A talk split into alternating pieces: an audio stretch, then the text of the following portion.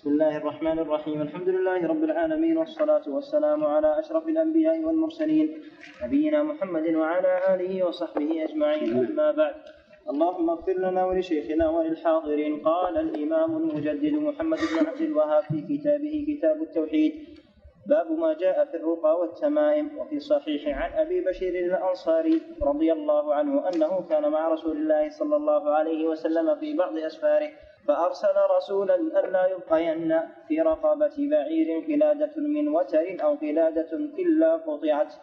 وعن ابن مسعود رضي الله عنه قال سمعت رسول الله صلى الله عليه وسلم يقول إن الرقى والتمائم والتولة شرك. رواه أحمد وأبو داود. وعن عبد الله بن عكيم مرفوعا من تألق شيئا وكل إليه. رواه أحمد والترمذي. والتمائم شيء يعلق على الأولاد يتقون به به العين لكن إذا كان المعلق من القرآن فرخص فيه بعض السلف وبعضهم يرخص فيه ويجعله من المنهي عنه. منهم ابن مسعود رضي الله عنه. والرقى وهي التي تسمى العزائم وخص منها الدليل ما خلا من الشرك. فرخص فيه رسول الله صلى الله عليه وسلم من العين والحمى. رخص يعني نعم فقد رخص فقد رخص فيه رسول الله صلى الله عليه وسلم من العين والحمى والتولة. شيء يصنعونه يزعمون أنه يحبب المرأة إلى زوجها والرجل إلى امرأته. وروى أحمد عن رويفع قال قال لي رسول الله صلى الله عليه وسلم يا رويفع لعل الحياة تطول بك. فأخبر الناس أن من عقد لحيته أو تقلد وترا أو استنجى برجيع دابة أو عظم فإن محمدا بريء منه. وعن سعيد بن جبير قال من قطع تميمة من إنسان كان كعدل رقبة رواه وكيع وله عن إبراهيم. قال كانوا يكرهون التمائم كلها من القرآن وغير القرآن. بسم الله الرحمن الرحيم. الحمد لله رب العالمين. وصلى الله وسلم وبارك على نبينا محمد وعلى آله وأصحابه أجمعين. أما بعد هذا الباب الثامن من أبواب التوحيد. قال فيه المؤلف رحمه الله تعالى باب ما جاء في الرقى والتمائم. في الباب الذي قبله قال باب من الشرك وهنا لم يقل من الشرك لأن الرقى منها الجائز والمشروع ومنها الممنوع. ولهذا أطلق المؤلف ولم يقيد بالشرك وإنما قال باب ما جاء في الرقى والتمائم سواء كان مشروعا أو ممنوعا. قال وفي الصحيح عن أبي بشير الأنصاري رضي الله عنه أنه كان مع رسول الله صلى الله عليه وسلم في بعض أسفاره. الصحيح معنى في الصحيح أي إما يقال في الصحيح في الحديث الصحيح أو يراد به في الصحيح في البخاري أو في مسلم ولكن المعنى في هذا أنه في الصحيح أي في الحديث الصحيح. لأن هذا الحديث في البخاري ومسلم وفي بعض أسفاره لم يذكر ولم يبين هذا السفر. ما هو؟ فأرسل رسولا أن لا يبقين في رقبة بعير قلادة من وثر أو قلادة إلا قطعت. أرسل النبي عليه الصلاة والسلام رسولا يبين للناس ويمنعهم عليه الصلاة والسلام ألا يبقوا في رقبة بعير قلادة من وتر أو قلادة. فكان العرب الغالب يعلقون في رقاب الإبل الأوتار مصنوعة من الجلد قيل من الأمعاء أمعاء الحيوانات. آه، يزعمون بأن هذا يقي هذه الدابة من العين. ولهذا يعلقون هذه التمائم على هذه الإبل. وهذا سواء كان في على الإبل أو غيرها أو على السيارة أو غير ذلك فإنه ممنوع. سواء كان يعني يعلقه على سيارة أو على دابة أو على غير ذلك إذا كان يعتقد أو آه، يظن بأن هذا يدفع العين هذا من الشرك المنهي عنه الذي نهى عنه النبي عليه الصلاة والسلام. لا يبقين في رغبة بعير قلادة من وتر أو قلادة. شك الراوي. من وتر والوتر هو كما تقدم يصنع من يعني الجلد من الأمعاء أو من العصب عصب الحيوانات. أو قلادة شك الراوي. والقلادة قد تكون قلادة جائزة.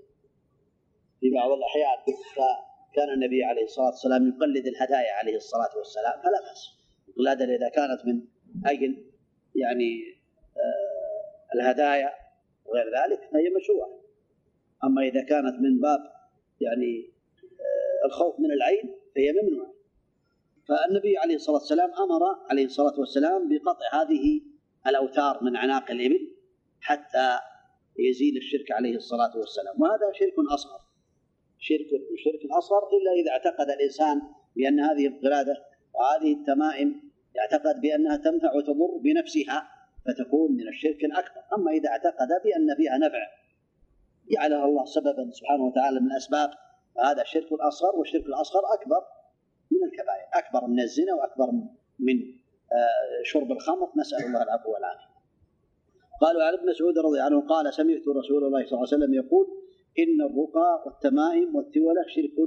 رواه أحمد وأبو داود. هذا يدل أن النبي عليه الصلاة والسلام حذر الناس قال بأن الرقى الرقى أي الرقى المحرمة الممنوعة التي فيها شيء من الشرك أو الاستعانة في آه، يدل على الشرك أو يظنون بأنها تنفع. أما الرقى المشروعة فلا بأس به وهي تكون بالقرآن أو بأسماء آه، الله تعالى وصفاته أو بالأحاديث والأدعية ولها شروط ثلاثة. الرقية الشرعية لها شروط ثلاثة. الشرط الأول أن تكون بأسماء الله تعالى بأسماء الله تعالى وصفاته أو بشيء من القرآن. والشرط الثاني أو بأحاديث النبي عليه الصلاة والسلام كاللهم رب الناس أذهب البأس وغير ذلك من الأدعية. الشرط الثاني أن تكون باللغة العربية. ومنهم من قال باللغة المفهومة المعنى. لكن ذكر شيخ الإسلام ابن تيمية بأنه لا يجوز آه يعني الاعتماد على لغة العجم. ما دام يحسن اللغة العربية. إذا كان يحسن اللغة العربية فيقول يبقي باللغة العربية. أما إذا كانوا كلهم عجم ما يفهمون اللغة العربية فلا بأس بالرقى آه، إذا كان يفهم المعنى وأنها لا شرك فيها. أدعية من الكتاب أو من سنة النبي عليه الصلاة والسلام. الشرط الثالث أن لا يعتقد بأن هذه الرقى تنفع وتضر بذاتها. وإنما يعتقد بأن النفع والضر بيد الله تعالى. هذه الشروط الثلاثة إذا تحققت في الرقية فإنها والرقية هي القراءة في أو تلاوة الأحاديث أو الدعاء. فإذا تحققت هذه الثلاث شروط في الرقية فهي مشروعة. أما إذا لم تتحقق فلا تجوز. قال والتمائم. التميمة ما يعلق خوفا من العين أو غير ذلك. قالوا تميمة قالوا لأنه يرجون التمام للخير. تميمة تتمه يعني آه، آه، تنجي من العين أو غير ذلك تكون سببا في نجاته من العين. أما إذا قال تنجيه هذا مشرك شرك أكبر. والتولة التولة هي شيء يزعمون أنه يحبب المرأة إلى زوجها والزوج إلى امرأته. فهذا من الشرك من السحر. نسأل الله العفو والعافية. فلا شك أن هذه الأمور من الشرك الأكبر إذا اعتقد بأنها تضر وتنفع. بالنسبة للرقى والتمائم. والتولة أما التولة فهي نوع من أنواع الشرك. وعن عبد الله بن عكيم مرفوعا من تعلق شيئا وكل إليه. رواه أحمد الترمذي هذا يدل على أن من تعلق شيئا علقه على رقبته علقه على يده علقه على بابه علقه على سيارته علق تعلق. هذا وكل إليه. يتخلى الله تعالى عنه. أما إذا علق قلبه بالله علق من تعلق شيئا. هذا يعم تعلق القلب بغير الله والتعلق على الأعضاء بشيء غير مشروع. كل التولة والتمائم كلها غير مشروعة لا تعلق. هذا يوكل إليه. ولهذا من توكل على الله كفاه ومن اعتمد على الله وقاه. أما من اعتمد على هذه التمائم والرقى الشركية فإنها لا تنفعه ولا تضره بل تضره بل تضره. والخلاصة أن هذا ينبغي أن يعلم أن من تعلق شيء وكل إليه. ثم فسر المؤلف رحمه الله تعالى التمائم قال شيء يعلق على الأولاد يتقون به العين. لكن إذا كان المعلق من القرآن فرخص فيه بعض السلف وبعضهم لم يرخص فيه ويجعله من المنهي عنه. من مسعود رضي الله عنه.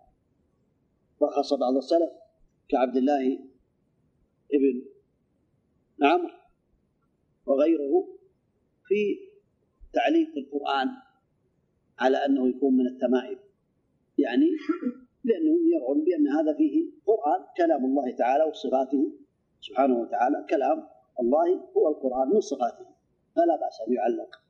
فرأوا ذلك. لكن آه، غيرهم من السلف كعبد الله بن مسعود واصحابه كانوا يرون بأن هذا من المنهي عنه والصواب أن هذا من المنهي عنه. لأمور اولا لأن الإنسان قد يتعلق بهذا ويترك العمل بالقران كمن تعلق آية الكرسي مثلا أو بعض الآيات فإنه يظن بأنها تغني عن قراءتها. الأمر الثاني يعرض هذه الآيات وهذه الأذكار إلى الامتهان. أن تعلق على الأطفال يدخلون بها دورة المياه ربما يعني حصل عليها شيء من البول ربما آه، التجع عليها وغير ذلك. الخلاصة أن تعليق التمائم من القرآن أو من غيره لا تجوز وهي من المنهي عنه الذي بينه المؤلف رحمه الله تعالى.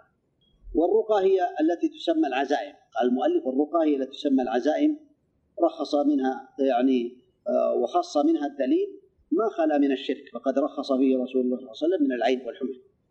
هذا ليس خاصا بالعين والحمى وإنما يدخل فيه غير العين والحمى من أي داء من أي مرض. لا بأس بالرقى ما لم تكن شركا. ولهذا ثبت عن النبي عليه الصلاة والسلام أنه قال اعرضوا علي رقاكم. ثم قال لا بأس بالرقى ما لم تكن شركا. فإذا كانت الرقى الدعاء من الآيات أو من الأحاديث واللهم رب الناس اذهب الباس اشفى انت شافي لا شفاء الا شفاءك شفاء الا هو سقما هو بسم الله يرقيك من كل شيء يؤذيك ومن شر كل عين حاسد الله يشفيك بسم الله يرقيك لأن النبي عليه الصلاه والسلام رقى ورقي رقى غيره عليه الصلاه والسلام ورقته عائشه ورقاه جبريل عليه السلام فالرقيه لا باس بها في كل مرض سواء كان من العين أو الحمى إذا كانت من كلام الله أو من كلام النبي عليه الصلاة والسلام الأدعية بالشروط المتقدمة. لكن المنهي عنه هو ما كان فيه شرك ما كان فيه توسل بغير الله أو كان فيه كلمات بغير الشروط الثلاثة خارج من الشروط الثلاثة التي سبق ذكرها. قال والتولى شيء يصنعونه يزعمون أنه يحبب المرأة إلى زوجها والرجل إلى امرأته. قال وروى الإمام أحمد عن رويفع قال قال لرسول الله صلى الله عليه وسلم يا رويفع لعل الحياة ستطول بك. فأخبر الناس أن من عقد لحيته أو تقلد وترا أو استنجى برجيع دابة أو عظم فإن محمدا بريء منه بريء منه عليه الصلاة والسلام. هذا فيه من الفوائد صدق النبي عليه الصلاة والسلام ومعجزة من معجزاته. فإن هذا الرجل قيل بأنه عاش حتى مات سنة 56 للهجرة. عاش بعد النبي عليه الصلاة والسلام أكثر من 45 سنة.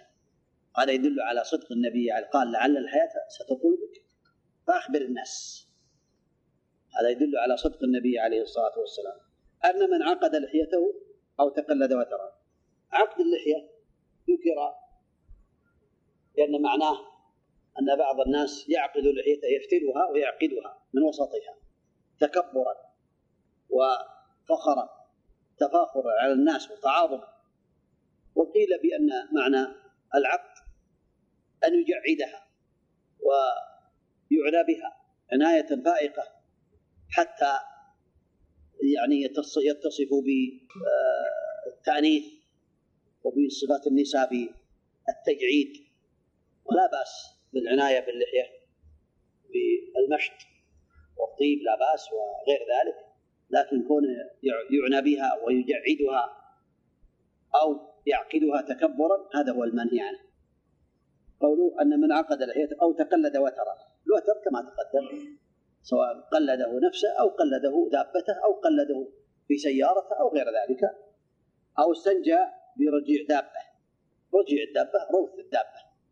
لأن النبي عليه الصلاة والسلام أخبرنا بأن كل عظم من هذه اللحوم التي ذكر الله ذكر اسم الله تعالى عليها تكون أوفر ما تكون لحما لإخواننا من الجن.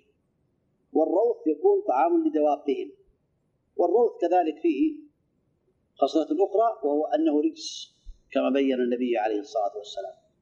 فلا يستنجي المسلم برجيع الدابة أو العظم. قال فإن محمدا بريء منه. عليه الصلاة والسلام. البراءة من الشيء تدل على أن هذا من الكبائر الذنوب تدل على أنه من الكبائر. ولا شك أن هذا من الشرك. الأصغر إن لم يعتقد بأنه ينفع ويضر إذا تقلد الوتر والاستنجاء برجيع الدابة والعظم محرم. فالنبي عليه الصلاة والسلام قال قال إنه بريء منه يدل على أن هذا من كبائر الذنوب التي يستحق الإنسان العقوبة عليها في الدنيا والآخرة. وعن وعن سعيد بن جبير قال: من قطع تميمة من إنسان كان كعدل رقبة وهو وقيع، هذا يدل على أن قطع التميم من الإنسان فيه ثواب عظيم كعدل رقبة. لكن ذكر العلماء بأن هذا عن تابعي وقالوا لعله سمعه من الصحابة أو لعله أرسله فيكون مرسلا مرفوعا مرسلا. ولكن المعنى صحيح لأن من قطع تميمة من إنسان أعتقه من الشرك.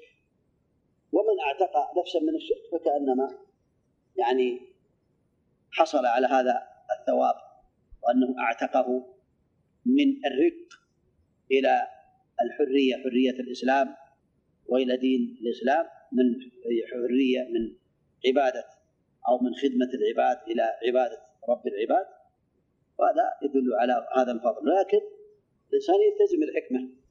لا يأتي الإنسان معلق مثلا قد علق تميمة أو غير ذلك من ما يتعلق المشركون ثم يقطعها بالقوة إلا إذا كان أميرا أو له سلطة أو أبا أو زوجا له سلطة يد فلا بأس يغير المنكر بيده.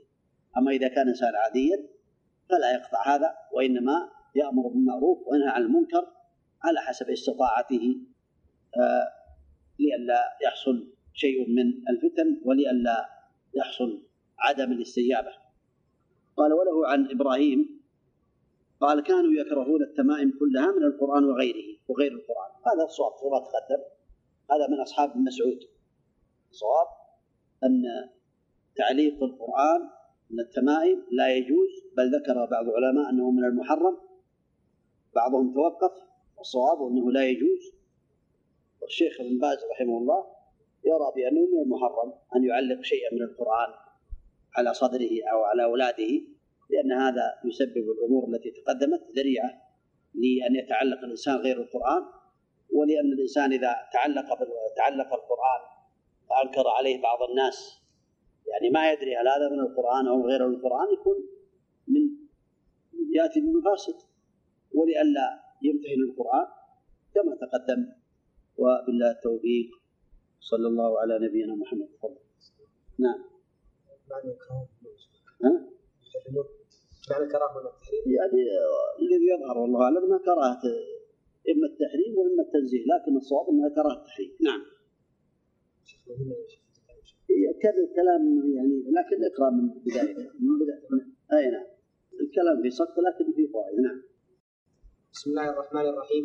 والصلاة والسلام على أشرف الأنبياء والمرسلين نبينا محمد عليه وعلى آله أفضل الصلاة وأتم التسليم أما بعد. اللهم اغفر لنا ولشيخنا وللحاضرين والمستمعين. قال الشيخ العلامة عبد العزيز بن باز رحمه الله تعالى في الباب الثامن ما جاء في الرقى والتمائم. وأما التمائم والخيوط والحروز والطلاسم ونحو ذلك مما يعلقه الجهال فهو شرك يجب إنكاره وإزالته بالقول والفعل وإن لم يأذن فيه صاحبه. وقوله وتلا قوله وما وما يؤمن أكثرهم بالله إلا وهم مشركون. استدل حذيفة رضي الله عنه بالآية. تابع تابع للدرس القادم لكن ابدأ من قوله والتمائم شيء. نعم. أحسن الله نعم. والتمائم شيء يعلق على الأولاد من العين وقد دلت الأدلة على تحريمها كما سيأتي للمريض وللأطفال. أما الرقى ففيها تفصيل فتجوز بثلاثة شروط. الأول الأول أن يكون أن يكون بلسان مفهوم المعنى بالآيات والدعوات المعروفة. الثاني ألا يخالف ذلك المعنى الشرع الثالث أن ألا يعتقد أنها تنفع بنفسها. وفي الحديث لا بأس بالرقية ما لم تكن شركا وتقدم والتولة عرفها المؤلف ويصنعونه بالجن والشياطين ويسمونها سحر. وعطف وعطف وعطف وعطف محرم وعطف نحر نعم. وعطف وحرف والسحر كله كفر للآية. إنما نحن فتنة فلا تكفر. وقوله في حديث عبد الله بن حكيم مرفوعا وقوله في حديث. نعم. وقوله في حديث عبد الله بن حكيم, بن حكيم مرفوعا من تعلق شيئا وكل إليه. رواه أحمد. فينبغي للإنسان أن يعتمد ويتوكل على الله وحده فهذا هو الذي ينفعه مع الأخذ بالأسباب. كما في الحديث احرص على ما ينفعك واستعن بالله. فالأخذ بالأسباب أمر لازم من الأدوية والاستقامة على شرعه وتعاطي أسباب العافية وطلب الرزق. فالأسباب ما بين الواجب والجائز فعليه أن يتعاطى الأسباب الجائزة والواجبة والأخذ بذلك. لا يقدح في التوحيد. بل تركها يقدح في العقل والتوحيد جميع والتوحيد جميعا. والتوحيد جميعا. أحسن والتوحيد جميعا. وإن كانت التمائم من القرآن فرخص فيه بعضهم كعبد الله بن عمر ومنعه آخرون كعبد الله بن مسعود وهو الصواب. وعليه تدل الأدلة. والواجب حسم هذا الباب والقضاء عليه بالكلية. سدا للذرائع ذرائع الشرك وعملا بالأدلة. ولا ينبغي تعليق التمائم على الأولاد. بل يعوذهم كما عود النبي صلى الله عليه وسلم الحسن والحسين بأدعية التعوذ. يعني كان يعوذهم عليه الصلاة والسلام يعيذكم بكلمات الله التامه من كل شيطان وهم ومن كل علامه نعم أحسن الله إليك. والكتابة يعيذكم بكلمات الله التامات من شر ما خلق. نعم. أحسن الله إليك. والكتابة في الورق والصحن فعل فعله بعض السلف وروي عن ابن عباس ولكن لم يثبت ولا بأس به ذكره ابن القيم في الزاد ولكن الرقية أفضل. والتداوي لا بأس به. وفي الحديث عباد الله. تداووا ولا تتداووا بحرام وأصح ما فيه الاستحباب. وقال مالك هو مستوى الطرفين أي مستوي الطرفين يعني آه، العلاج. يعني كون يتعالج أو لا يتعالج منهم من قال بأنه مستحب ومنهم من قال بأن العلاج واجب المرض ومنهم من قال آه، بالإباحة. نعم. أحسن الله عليك وقال مالك هو مستوي الطرفين أي مباح. وروى أحمد عن رو- عن رويفع قال يا رويفع لعل الحياة ستطول بك فأخبر الناس. قوله لعلها تطول بك هذا على سبيل الظن والرجاء وقد طالت به الحياة وم- ومتع. وفيه أربع مسائل. الأولى قوله عقد لحيته قال أهل العلم معناه جحدها ونفشها للتكبر والتعاظم. وقيل أي صففها تصفيفا يناسب ميوعة النساء وأهل التخنث. أما العناية بها تسريحا وتكريما فهذا ليس منه والحديث فيه لين وله شواهد. الثانية قوله تقلد وترا وهو ما يتخذ من الأمعاء من الأمعاء وغيره. يعني أمعاء الحيوانات. أو عصبها نعم. أحسن الله إليك. وهو ما يتخذ من الأمعاء وغيره وكانت الجاهلية تقلدها ال- الإبل والصبيان حذر حذر العين. الثالثة قوله أو استنجى برجيع دابة عظ جاءت الأحاديث بالنهي عن الاستنجاء بهما لأنهما لا يطهران وفيه تشبيه بالجاهلية. تشبه بالجاهلية. نعم. أحسن الله. الرابعة قوله فإن محمدا بريء منه وعيد شديد وليس معناه أنه مشرك مثل قوله ليس منا من ضرب والشاهد هو النهي عن تعليق الأوتار وغيره مما يظن ينفع كالخيط والواجب أن يتعلق بالله وحده. وعن سعيد قال من قطع تميمة من إنسان كان له كعبد رقبة رواه وكيع. ابن الجراح توفي سنة 96 و100 للهجرة. وفي الحديث فضل قطع التمائم وأنه كعبد رقبة لأنه سيخلص هذه الرقبة من النار ومن الشرك فيكون أفضل من عتق الرقبة. وكلام سعيد قد يكون له سند وفيه وس- وسم لأن سعيد قد قد لا يقول هذا برأيه ويحتمل أنه من اجتهاده وفقهه. ولكنه عند التحقيق والنظر هو أعظم من عتق الرقبة التي يكون بها الإنسان حرا وتعليق التمائم من الشرك الأصغر وخطره عظيم وقد يجر إلى الشرك الأكبر. وله عن إبراهيم قال كانوا يكرهون التمائم كلها من القرآن وغير القرآن إبراهيم بن يزيد النخعي من التابعين من أصحاب ابن مسعود يكرهون التمائم و- و- و- وكذلك وكذلك. وكذلك. نعم. أحسن وكذلك شيخهم ابن مسعود يكره ذلك لسببين. الأول لعموم الأحاديث الناهية. الثاني سدا لذرائع للذرائع الموصلة إلى الشرك فلا يعلق مصحف ولا آيات منه ولا أحاديث ولا طلاسم ولا عظام فكله شرك. قوله لأن يهدي الله بك رجلا واحدا خير لك لا مانع من أن يعم الحديث حتى المسلم العاصي. فائدة لا يجوز وضع مصحف في السيارة بقصد حفظها من المصائب وكذا وضع الحيوانات في السيارة وغير ذلك. هذا انتهى كلامه رحمه الله في الباب الثامن. هذا والله أعلم. وصلى الله وسلم. بارك الله فيكم. نسأل الله عز وجل لنا ولكم العلم النافع والعمل الصالح. توفيق لما يحب ويرضاه. صلى الله وسلم وبارك على نبينا محمد وعلى آله وأصحابه أجمعين.